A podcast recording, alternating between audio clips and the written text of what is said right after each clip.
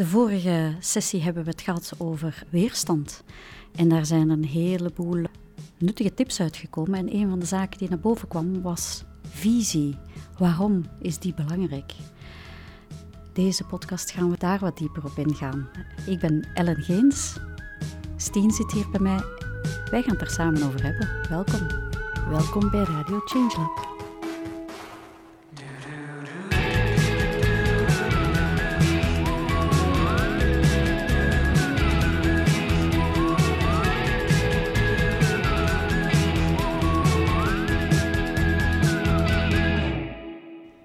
Ja, Stien, ik heb jou uitgenodigd. Jij bent de oprichter van ChangeLab en ik ben er dan snel daarna bijgekomen. Wij begeleiden allebei al jaren change-trajecten bij klanten, waarbij wij ook veel visies in kaart of uitgediept of verduidelijkt of enzovoort opgefrist hebben. Ja, vertel eens wat jouw ervaring daarmee is. Of stel jij jezelf eens voor. Uh, ja, ik ben uh, Stien Gijsrechts en ik heb inderdaad... In 2014 ben ik met ChangeLab begonnen. Ik heb daar dan tot 2019 mijn hart en ziel in gestoken, samen met jou, Ellen. En het is een heel mooie organisatie geworden. Ik ben dan eventjes moeten stoppen, wegens persoonlijke overwegingen. En ondertussen ben ik helemaal terug. En heb ik een zusterbedrijf van ChangeLab opgericht. En dat heet Glowsticks. En ik ben super blij om weer helemaal samen met ChangeLab te kunnen werken. Want het blijft natuurlijk ja, iets dat nauw aan mijn hart ligt. Fijn. En vertel eens wat meer over jezelf, Ellen. Ja, ik ben net na jou erbij gekomen hè, bij ChangeLab. En dus ondertussen ook een oude rot in het vak. ja, en wij hebben heel wat trajecten samen gedaan ook. Hè. Dus uh, ik dacht dat het wel fijn was om daar samen met u een keer over, over die visie uh, dieper in te gaan. Ja, wij zijn heel snel tot de conclusie gekomen hè, dat die visie ja, belangrijk is. Dat dat, ik ben nu weer aan een metafoor aan het denken. Ik denk heel vaak in metaforen. En nu komt er in mijn hoofd het hart. Het is zo'n hart, het hart van een verandering. Het is, zonder die visie stroomt er geen bloed door het lichaam. En zonder een hart eh, stroomt er geen bloed door het lichaam. En bij een verandering is dat ook. Je hebt die energie nodig van, van wat een visie is. En ik denk dat we dat heel snel bij ChangeLab ook gezien hebben. En dat we daar eigenlijk vanaf het begin al met onze klanten mee aan de slag gaan. Hè, om ervoor te zorgen dat er een visie is waar mensen zich in kunnen vinden, toch? Ja. We hebben heel veel digitale transformatietrajecten ook gedaan in het begin. Ja. Waar we eigenlijk soms wel vrij laat binnenkwamen. Ja, want wij waren een optie, weet je nog? En ja. dat is nu niet meer. Change was toen een optie.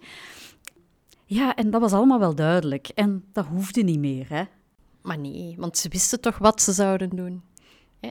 Vaak een nieuwe tool implementeren. En wat moest er dan nog meer over verteld worden? Dat was toch duidelijk? Ja. Dat hebben wij dan echt wel vrij snel geïntroduceerd. Dat je niet direct met de wat kan beginnen, hè, maar dat je met de why van uw project echt wel eerst aan de slag moet. Uh, die waarom van uw verandering is cruciaal om die door te voeren in de organisatie en om die organisatie mee te krijgen. En je kunt niet zomaar zeggen, ja, met een nieuwe tool gaan we implementeren, want een oude wordt niet meer ondersteund. Ja, dat kan misschien wel de realiteit zijn, maar daar worden mensen, uh, ja, daar worden mensen niet warm van. En en het is vaak vanuit IT dat dat gezegd wordt. Maar als je gaat kijken naar wat wil een organisatie bereiken, ja, of dat dat platform nu nog ondersteund wordt of niet, dat kan hun eigenlijk niet zo heel veel schelen. Ze willen vooruit, ze willen verder met hun strategische doelstellingen.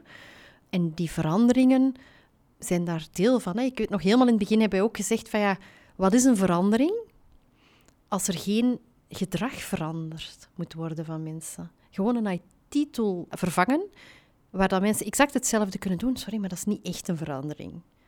Een verandering gebeurt er wanneer mensen ja, iets anders gaan moeten doen of iets anders gaan. Ik, ik wil bijna voelen zeggen, maar het gaat over ja, andere overtuigingen hebben of op een andere manier gaan kijken naar hun klanten. Als we denken aan klantgerichtheid bijvoorbeeld, of op een andere manier samenwerken, dan past zit je echt in een veranderingstraject. En dan is die visie ook superbelangrijk, want vanaf dat mensen geïmpacteerd zijn, moet je meekrijgen in het verhaal of je verliest ze. Ja. En dat is ook de reden, helemaal in het begin, dat ik ChangeLab opgericht heb. Hè? Want ja, je voelt gewoon dat verandering voor mensen, dat heeft een hele grote impact op hun leven. En je kunt wel zeggen, het is maar werk enzovoort. Maar we zijn wel heel veel uren bezig met ons werk.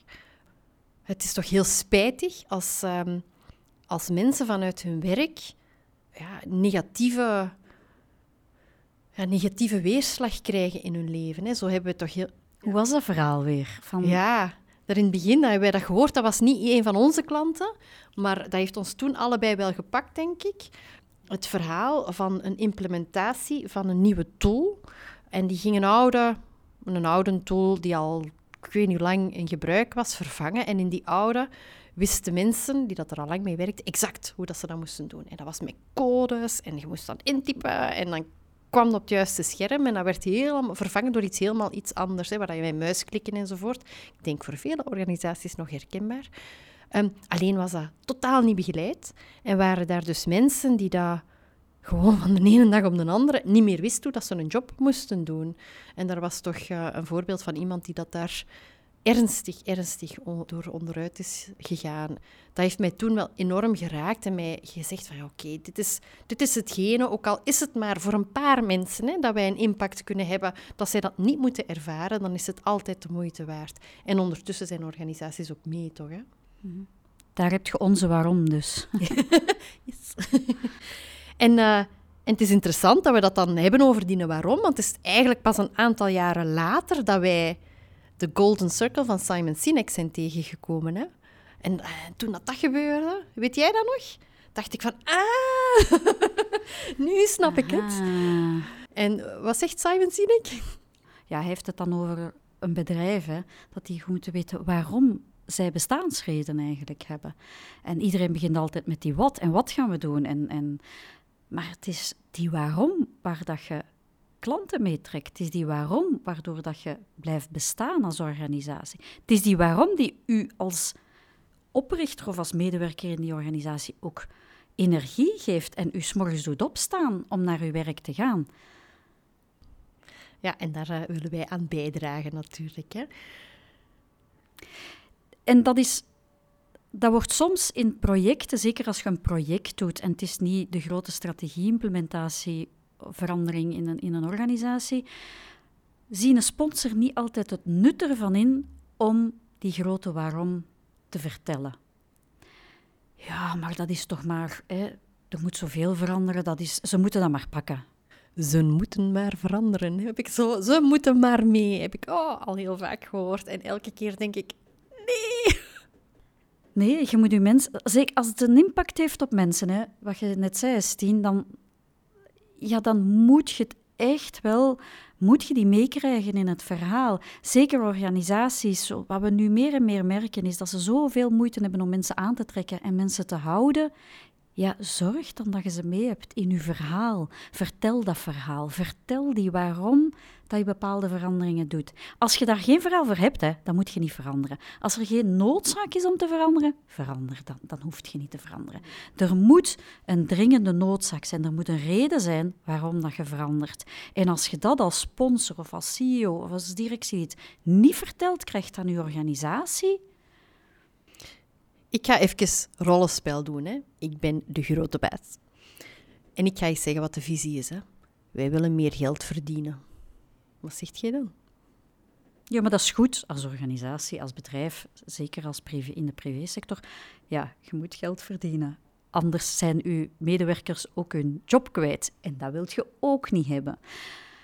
Maar als dat het enige is, dan zit je een zeer koude organisatie. En wilt je als medewerker wel voor zo'n organisatie werken? En daar zit het hem, daar wringt het schoentje. En hoe zou je dat dan doen? Ik blijf in mijn rol hè, als grote baas. Wat zou je dan doen naar mij toe? Doorvragen. Zoals? Waarom? Waarom doe je dit? Omdat ik meer, omdat ik hoeveel geld wil verdienen. En waarom? Goh, omdat ik dan eigenlijk toch wel een, een team kan inhuren en mensen, en mensen kan voorzien van jobs. En waarom wilt je die voorzien van jobs en waarom wilt je mensen inhuren? Ik geloof ook wel in ons product en wat dat wij willen uh, bieden op de markt. En, en ik vind dat er meer mensen toegang moeten hebben, dus onze klanten. En vertel eens, waarom gelooft je in dat product? Ja, omdat dat toch... Uh, ja, nu moet ik een product verzinnen, hè. Ja, maar ik voel, je voelt het al. ja. Je voelt dat je passie naar boven begint te komen over uw reden van ondernemer zijn. En het is dat wat je naar boven moet brengen. En die zit er normaal gezien wel. En je kunt dat ook doen op een change-project.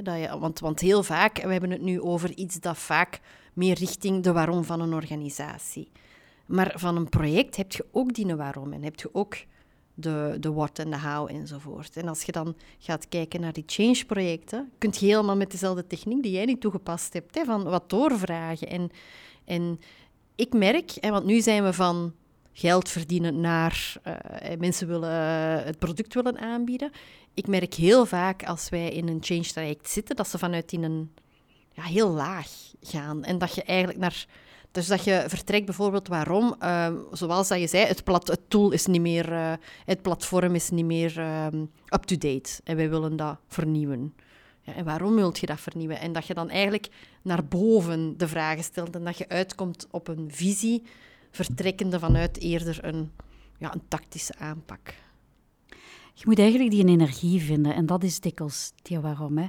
Eh, de drijfveren. En als je dat hebt, heb je een verhaal. Dat, is ook, dat wordt ook veel... Eh, ik vind dat heel belangrijk. Als, als organisatie, als bedrijfsleider, je moet je verhaal kunnen vertellen. Want daarmee trekt je mensen mee. En die veranderen, mensen veranderen wel als ze daarin geloven. Als, als dat een authentiek verhaal is, dat geeft ook goesting om dat te doen. Dus eigenlijk zegt je, pak de bedrijfsleider, sluit je op in een kot met een goede fles whisky en het komt wel. Nee. Ja. Allee, dat klinkt toch leuk? Hoe dan Fles wel? wijn misschien? Nee, oh, nee, nee. Ja, sowieso is, is dat... dat is, die waarom, dat is uw start. Maar dan, je hebt een organisatie nodig. Je komt samen tot uh, die visie. Ik geloof heel hard, dat hebben wij altijd gedaan, hè, om samen met... Daar zit de kracht, daar zitten de ideeën op vele lagen in de organisatie. En ehm, ja, ik, ik denk, als, ook als je wilt dat gedragen wordt, zit daarmee samen met een team en, en, en, en werk dus dat uit. deelt de whisky met het team. Ja. ja. Nee, nee, helemaal in mee. Ja, toch zeker dat je dat met een team uh, opbouwt. Hè. En, en dat zijn ook eigenlijk de leukste projecten. En ik heb zelfs gezien dat er in sommige organisaties, waar dat ze ervoor openstaan, bijvoorbeeld een bedrijfsleider, um, die zegt van oké, ik ben erbij. Want het is niet altijd zo gemakkelijk om hen erbij te krijgen. Um, dat zij dan uh, heel blij is dat er dan ook verschillende mensen um, uit verschillende lagen in, uh, in de organisatie bij zijn. En dat er zelfs iets gebeurt in die cultuur. dus dat ze dan een keer met ons doen, zo'n visieworkshop met, met allerlei lagen. En dat ze dan beslissen van wauw ik wist eigenlijk niet dat mensen zo dachten of dat mensen niet wisten waarom dat wij uh, met bepaalde zaken bezig zijn. En dat ze dat dan voortzetten in andere initiatieven. Ja, wij, wij geloven heel erg in die co-creatieve en in de kracht die in een organisatie zit, waar dat wij met technieken die zaken naar boven brengen, zodanig dat je die daarmee aan de slag kunt. En dat is soms heel verhelderend inderdaad voor organisaties. Hè. Vroeger waren organisaties heel hiërarchisch ingesteld en de baas was alwetend en had alle informatie en alle macht. En wat wij doen, gaat daar recht tegenin eigenlijk. Ja, hè. en dat geeft soms wel wat weerstand. Ehm, want het is niet altijd gemakkelijk hè, om die bedrijfsleiders en directieniveaus mee te krijgen in de oefening. Of zelfs om de Ja, die moeten knokken om daar te geraken ook. En dat is dikwijls Ehm, door kennisvergaring, wat dan vroeger gelijk stond aan macht, zijn die op die posities geraakt. Hè? Die willen dat niet loslaten altijd. Ja. Denk je ook niet dat, het, dat ze soms ook schrik hebben om, om uit te komen voor een bepaalde visie van een, van een project? En hoe bedoelt je dat dan? Omdat, het, omdat, ze dan concreet, omdat ze dan moeten zeggen wat dat ze willen. Hè? Of omdat ze dan... Ja, vaagheid natuurlijk, daar kun je achter verstoppen. Hè? ja. ja. Ehm, maar dat is, dat is weer een teken van die oude machtsposities, hè, waar dat je al wetend moest zijn. En als je het dan niet allemaal 100% zelf in je hoofd weet, dan hoort je daar niet te zitten. En dat is volgens mij al een fout. Ja. Want idealiter willen wij dat de visies een beetje ambitieus zijn, hè, die daar gemaakt worden. Hè? dat dat niet enkel is, ja, dat het niet altijd super realistisch moet zijn. Of misschien wel, want als we hoog mikken, dan geraken we verder, denk ik dan altijd. Ja, aim for the stars to land on the moon. Ja, ja. ja. Maar die mag, je mag dromen, maar dat is... Ja. Je moet kunnen dromen. Weerom, dat zijn zaken waarvoor dat je gaat. Als je geen dromen meer hebt in een organisatie ook, dat is hetzelfde als in je leven. Ik word hier een beetje emotioneel van. nee, het is wel zo. Hè. Ja, dat is misschien stom. Het gaat over het werk, maar het gaat over mensen en het gaat over passies en het gaat over connectie. En een visie die op, een, op de achterkant van een bierkaartje door één iemand gemaakt is en je zegt van ja, dat zal het dan wel zijn. Sorry, maar dan doet het beter niet, denk ik. Dat, kan, dat kan een goed beginpunt zijn ergens, maar je moet dat toch... Dan, ja. Of een eenmanszaak, hè? ja, maar nee, je hebt geen ganse organisatie met een heel team van mensen. En je wilt die naar uw visie in strategische verandering meekrijgen, dan moet je mensen betrekken en dan moet het meer inspirerend zijn dan harde cijfers en koude. Ja. Klopt helemaal. En hoe doen we dat dan? Want we kunnen daar, we kunnen daar uren over filosoferen, hè, hoe het zou moeten. Hoe pakken we dat aan? Ik vind een visie in eerste instantie is met uw kernteam en directielid um, samen daar echt rond brainstormen en kijken van wat is inderdaad hè, die droomresultaat? Wanneer is alles perfect? Daar een keer bij stilstaan. Ja, dat opent wel enorm het zicht van iedereen, want dan merk je van zitten al die neuzen wel in één richting? En dan zie je heel dikwijls dat dat nog niet zo is. En is dat overbruggen? Kunnen we naar dat één duidelijk doel gaan? Hè? Mm.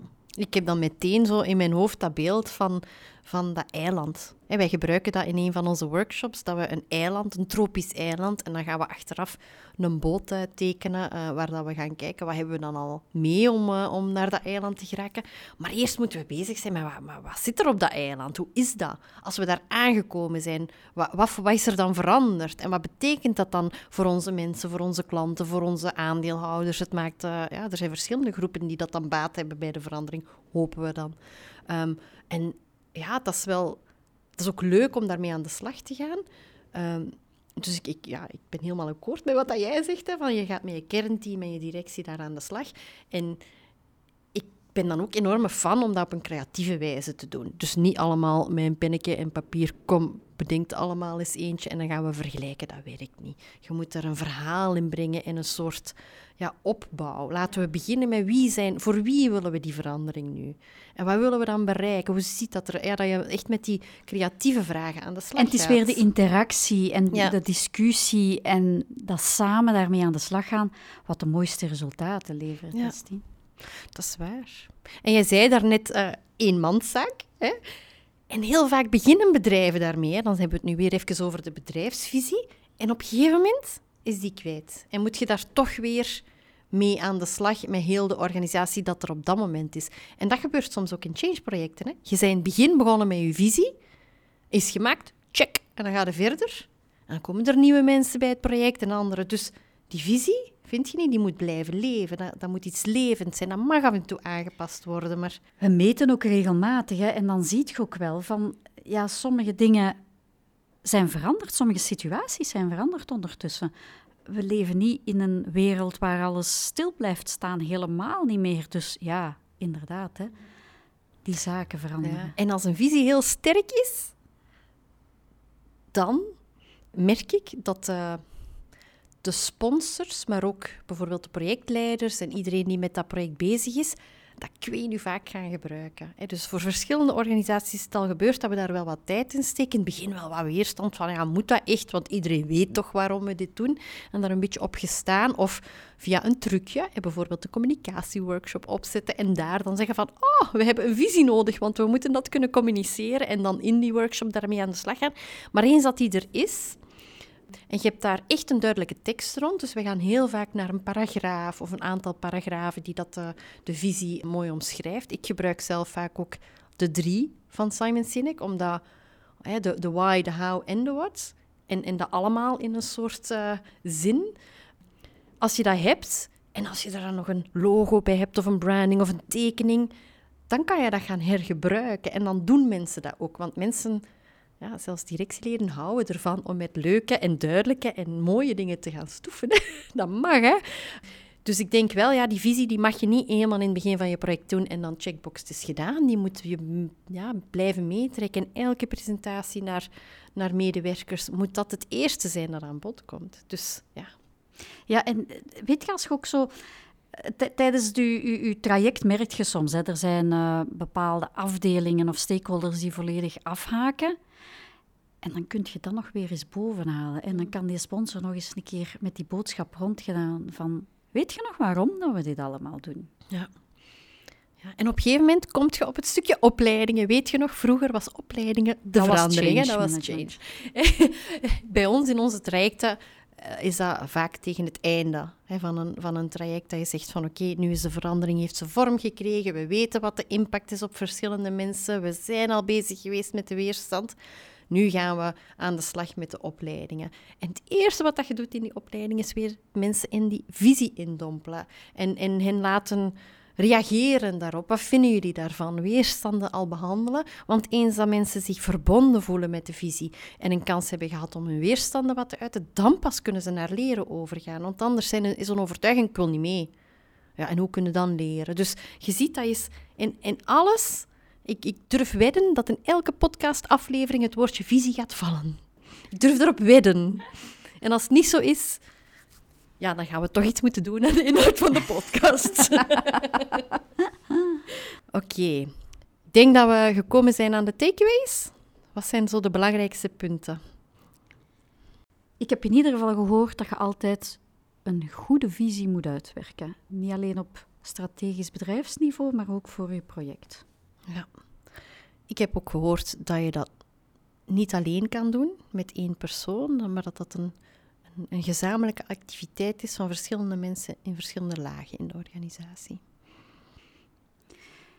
Ik heb van jou ook gehoord dat als je het niet rechtstreeks kan doen, dat je het via omwegen moet gedaan krijgen. Die vond ik ook wel heel goed. Want het is inderdaad niet altijd gemakkelijk, zeker als je niet van in het begin bij een traject erbij betrokken bent, maar dat je dan toch via een omweg, zoals communicatieplan, dat je dan toch die visie nog kan uitwerken.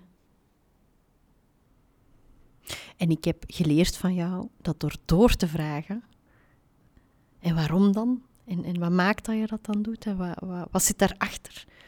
Dat je vaak toch wel tot hetgene komt waar, wat dat er nodig is om een mooie visie te kunnen communiceren met mensen. Simon Sinek zegt dat ook, hè? vijf keer doorvragen op de waarom en dan kom je tot de kern. Dank u, Simon Sinek. Oké, hiermee ronden we onze tweede aflevering van Radio Change Lab af. Dankjewel Ellen dat ik erbij mocht zijn. Dankjewel Stien voor je mooie bijdrage. En tot de volgende aflevering. Bedankt om te luisteren naar Radio Change Lab, een podcast van Change Lab. De samenvatting van ons gesprek vind je op onze website www.changelab.be. Wens je graag ondersteuning bij je organisatieverandering? Of heb je zelf een case die je graag eens aan bod zou willen horen? Stuur dan zeker een mailtje naar info.changelab.be. Tot de volgende aflevering. Als jij erbij bent natuurlijk. Change management, wie heeft dat nu nodig?